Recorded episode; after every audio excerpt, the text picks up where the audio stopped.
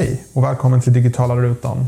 Idag ska vi prata om vilken är den bästa mobilen att vlogga med. Mycket nöje.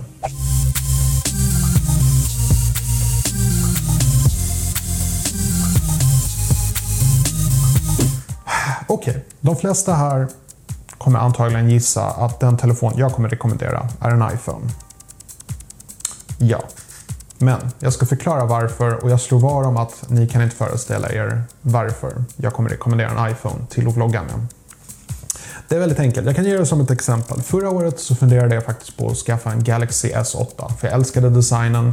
Jag ville använda en mobil till att vlogga med och det som var så fantastiskt med Galaxy S8 det var att uh, den främre kameran kunde filma i 1440p plus att den hade autofokus. Vilket i princip är okänt på mobilmarknaden. Så det var jag väldigt sugen på att skaffa. Men i sista stund ångrar jag mig av en enda anledning. Det är för att de flesta Android-telefonerna har på grund av skattemässiga skäl satt en limit på hur länge du kan filma. Hur länge ett enda filmklipp kan vara. Så med Galaxy S8 så kunde man bara filma med i 10 minuter. Om du ska vlogga i till exempel 20 minuter då skulle du i princip behöva sätta på inspelning efter 10 minuter igen bara för att kunna fortsätta spela in. Det kan förstöra ens rytm om man vloggar och är inne i någon djup tankebild. Så av den anledningen så måste jag säga att ska du vlogga med en mobil så måste du ha en mobil som har i princip ja, i alla fall som kan filma längre än 10 minuter. När det gäller just iPhones så kan de filma i princip oändligt tills batteriet dör eller tills minnet blir fullt. Så har du 256 och har du kopplat det till ett portabelt batteri eller till väggen så kan du i princip vlogga i flera timmar i en enda tagning. Jag vet inte vad det är du skulle kunna vlogga om i så pass många timmar, men du har i alla fall den möjligheten. Sen finns det en annan stor fördel som iPhones har som inte Android-telefoner har.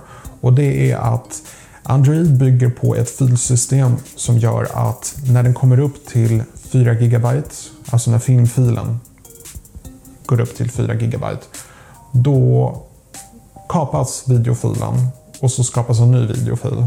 Så det innebär att i princip att om du har ett filmklipp som är på 12 GB, då blir det tre filmklipp. Och då måste du sätta ihop filmklippen om du ska publicera dem till exempel på Youtube. Det här är ett vanligt bekymmer.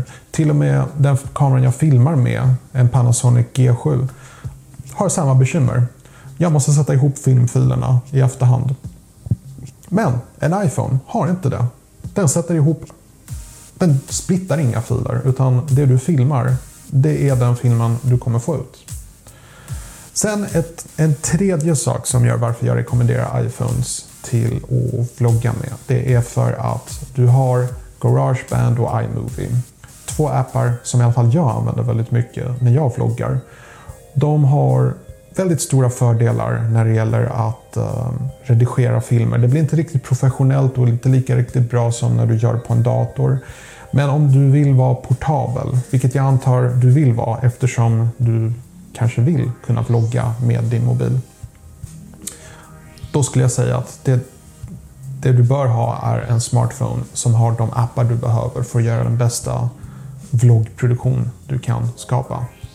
Och av de tre skälen så måste jag tyvärr säga att iPhone är den bästa mobilen att vlogga med. Och varför säger jag måste? Jo, för att iPhones är väldigt dyra mobiler och jag skulle verkligen vilja rekommendera en Android-telefon. Men jag har faktiskt inte sett Android-telefoner som har de tre fördelarna som jag nämnde hos en iPhone. Så därför säger jag tyvärr. Men det finns hopp. Kan köpa en riktigt gammal iPhone. Alla modeller har den här funktionen att de kan filma, filma oändligt och utan att de splittar filerna. Så att det var allt jag hade att säga i den här lilla videon. Hoppas du tyckte om den och lämna gärna en kommentar och glöm inte att prenumerera. Jag passar på även att önska dig en trevlig fortsatt dag. På återseende.